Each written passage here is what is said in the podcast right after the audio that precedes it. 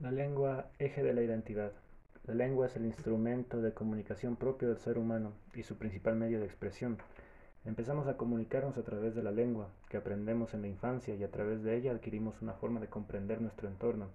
Así la lengua se convierte en parte importante de nuestra identidad.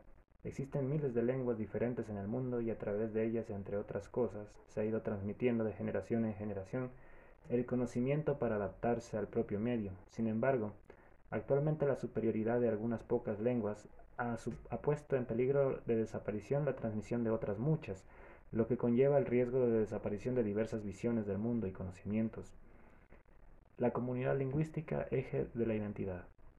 La lengua es un instrumento creado por los seres humanos para comunicarse entre sí, el instrumento más importante y eficaz creado por el homínido en su recorrido hacia la transformación en persona.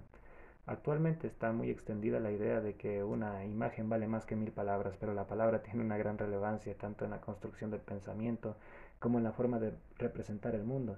Mostramos el mundo a través de las palabras que empleamos y a través de ellas ofrecemos un retrato de nosotros mismos. A lo largo de la historia, la lengua y la cultura han construido la base de la identidad de las comunidades humanas. En cierto modo podemos afirmar que las lenguas son el ADN de las culturas y es que las lenguas recogen el universo de pensamientos e ideas construidas por las comunidades de hablantes. La lengua y la identidad están relacionadas en el plano individual. La identidad de las personas no las integra solamente la lengua, pero es a través de ella que somos o nos expresamos. A través de la lengua los menores adquieren su propia personalidad, el conocimiento de su existencia como persona les llega a través de una lengua que es la lengua de sus pensamientos internos. Todos los entresijos de los recuerdos, juicios, los sentimientos de los hablantes, cuando se reúnen y se penetran en las entrañas de la lengua. La lengua también constituye una de las principales bases de la identidad colectiva. De hecho, las lenguas han ido recogiendo de generación en generación los conocimientos de cada uno de los pueblos a los que cada generación ha ido añadiendo los suyos propios.